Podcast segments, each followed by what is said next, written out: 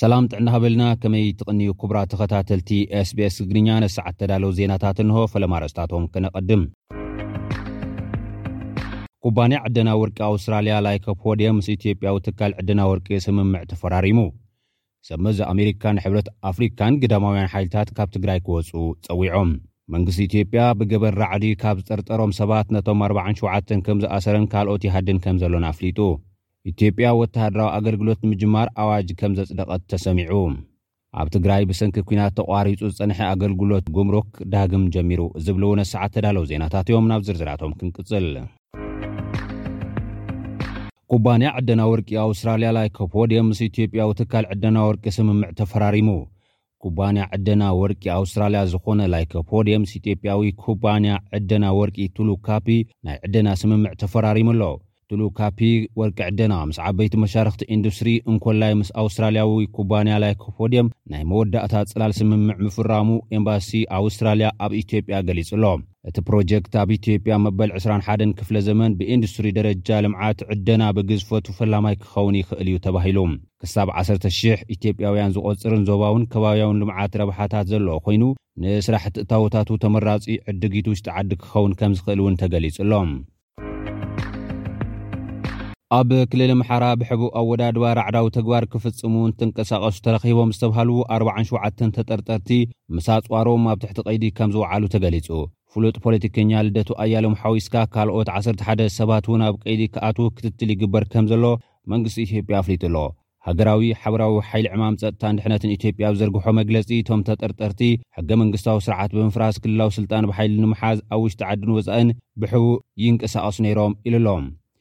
እቶም ሰባት ናይ ፖለቲካ፣ ወተሃደራዊ፣ ኢንተለጀንስ፣ ፋይናንስን ሚድያን ክንፊ ዝመርሑ ኣካላት መሪጾም ምስ ዓሰርተ ሽዱሽተ ፅንፈኛ ዝተብሃሉ ኣባላት ዲያስፖራ ብምዝማድ ኣብቲ ክልል ዕጡቓት ብምምልማል ምስልጣን፣ ምዕጣቕን ምውፋርን ስራሕቲ ይሰርሑ ከምዝነበሩ ተሓቢሩ'ሎ።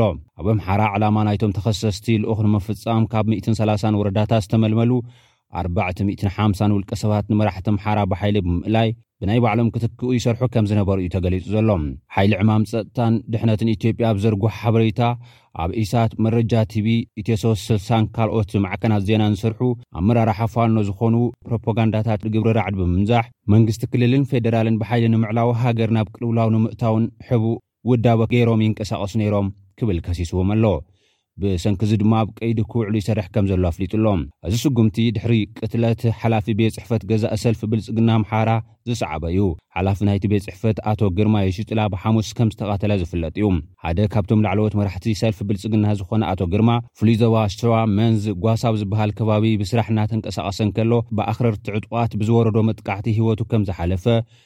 ሰልፊ ብልጽግና ኣብቲ እዋን ኣብ ዝዘርግሖ መግለጺ ጠቒሱ ነይሩ እዩ።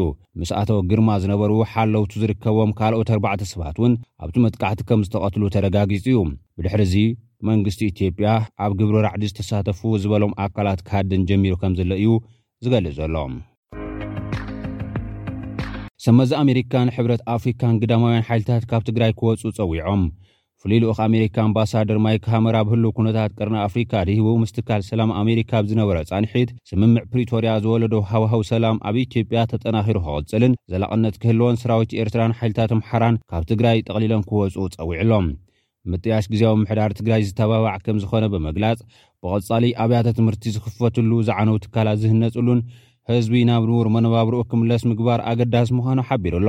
ጉዳይ ተሓታትነት እውን ክሰፍን ካልእ ጉዳይ ምዃኑ ብምሕባር፣ ኣብ ትግራይ ዝተኻየደ ኲናት ኣብ ዓለም እቲ ዝኸፍአን መስካሕክሒ ኲናትን ከምዝነበረ ብምዝኽኻር፣ ኣብቲ ዂናት ዝተፈጸመ ገበናት ተሓታትነት ከምዝህልዎም ገሊጹ። ኣሜሪካ ኣብ ቀርኒ ኣፍሪካን ቀይሕ ባሕርን ዘሎ ቅልውላው ንምርግጋዕ ጠመተ ሂባ ትሰርሐሉ ጉዳይ ምዃኑ እውን ኣነጺሩ።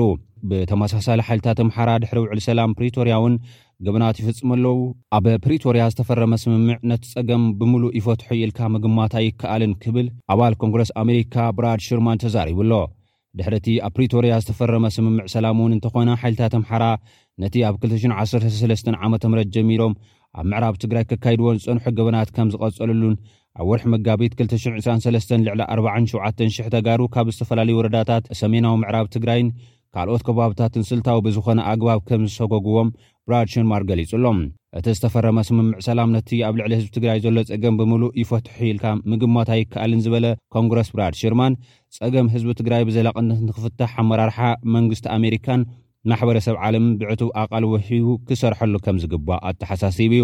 ካብዚ ብተወሳኺ ኮሚሽነር ፖለቲካዊ ጉዳያት፣ ሰላምን ጸጥታን ኮሚሽን ሕብረት ኣፍሪካ ባንኮሎ ኦዴ ብዛዕባ ሰራዊት ኤርትራ ዝምልከት ንዘቐረበሉ ሕቶ፣ ብመሰረት ዝተኸተመ ስምምዕ ፕሪቶርያ ኩሎም ካብ ሰራዊት ኢትዮጵያ ወፃኢ ዘለዉ ቀልጢፎም ንክወፁ እዮም ተሰማሚዖም ብመሰረት እዚ ድማ ክወፁ ይግባእ ክብል ተዛሪቡ ኣሎ። ባይቶ ወከልቲ ህዝቢ ኢትዮጵያ ኣዋጅ ሃገራዊ ወተሃደራዊ ኣገልግሎት ኣጽዲቑ። ባይቶ ወከልቲ ህዝቢ ኢትዮጵያ 18 ዓመት ዝዕድሚኦምን ናይ ካልኣይ ደረጃ ትምህርቲ ዝዛዘሙን ተምሃሮ ወተሃደራዊ ታዕሊም ክወስዱ ንክልተ ዓመት ከገልግሉ ዝጠልብ ሓዱሽ ኣዋጅ ከም ዘጽደቐ እዩ ተሰሚዑ ዘሎ። እቲ ቤት ምኽሪ ኣብዚ ቀረባ መዓልትታት ኣብ ዘዳለዎ ስሩዕ ኣኸባ ነቲ ብመንግስቲ ዝተዳለወን ዝቐረቦን ዝተመሓየሸ ረቂቕ ሓይሊ ምክልኻል ኣፅዲቑ ሃገራዊ ኣገልግሎት ክጅመር እውን ከም ዝወሰነ ኣብ ኣዲስ ኣበባ ዝሕተም ጋዜጣ ኣዲስ ኣድማስ ሓቢሩ ኣሎ። ኣቦ ወንበር ቀዋሚ ኮሚቴ ርክብ ህዝብን ወፃእን ባይቶ ወከልቲ ህዝቢ ኢትዮጵያ ዶክተር ዲማ ኖህ ተምሃሮ ብወለንትኦም ኣባላት ስሩዕ ምክልኻል ኢትዮጵያ ወይ ሃገራዊ ዕቑር ሓይሊ እንተኾይኖም እቲ ሚኒስተር ተዛመድቲ መሰላትን ጥቕምታትን ክሕለወሎም ከምዝገብር ገሊጹ ኣሎ።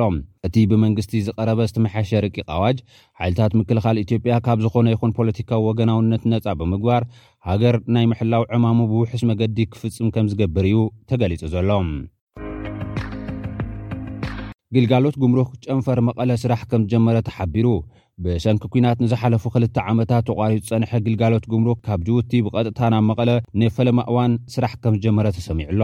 እቲ ንዓመታት ተቋሪፁ ዝፀንሐ ናይ ጉምሩክ ኣገልግሎት ከም ዝጀመረ ኣብ ቤት ፅሕፈት ኮሚሽን ጉምሩክ ጨንፈር መቐለ ምክትል ኣካየደ ስራሕ ምኽባር ሕጊ ኣይተ መንግስትኣብ ይርዳው ንጋዜጠኛታት ኣብ ዝሃብዎ መብርሂ ገሊፆም ኣለው። ኣምጻእቲ፣ መጓዓዝትን ዓማዊልን ስሩዕ ዝኾነ ኣገልግሎቶም ክጅምሩ ድማ እቲ ኮሚሽን ጸዊዑ ኣሎ። ኩቡራት ተኸታተልቲ SBS ትግርኛ ነዚ ሰዓት ተዳለዉ ዜናታት እዚኦም ይመስሉ። ኣብ ቀጻሊ ብኻልእ ትሕዝቶ ክንራኸብ ኢና። ሰሰናይ ንምነየልኩም።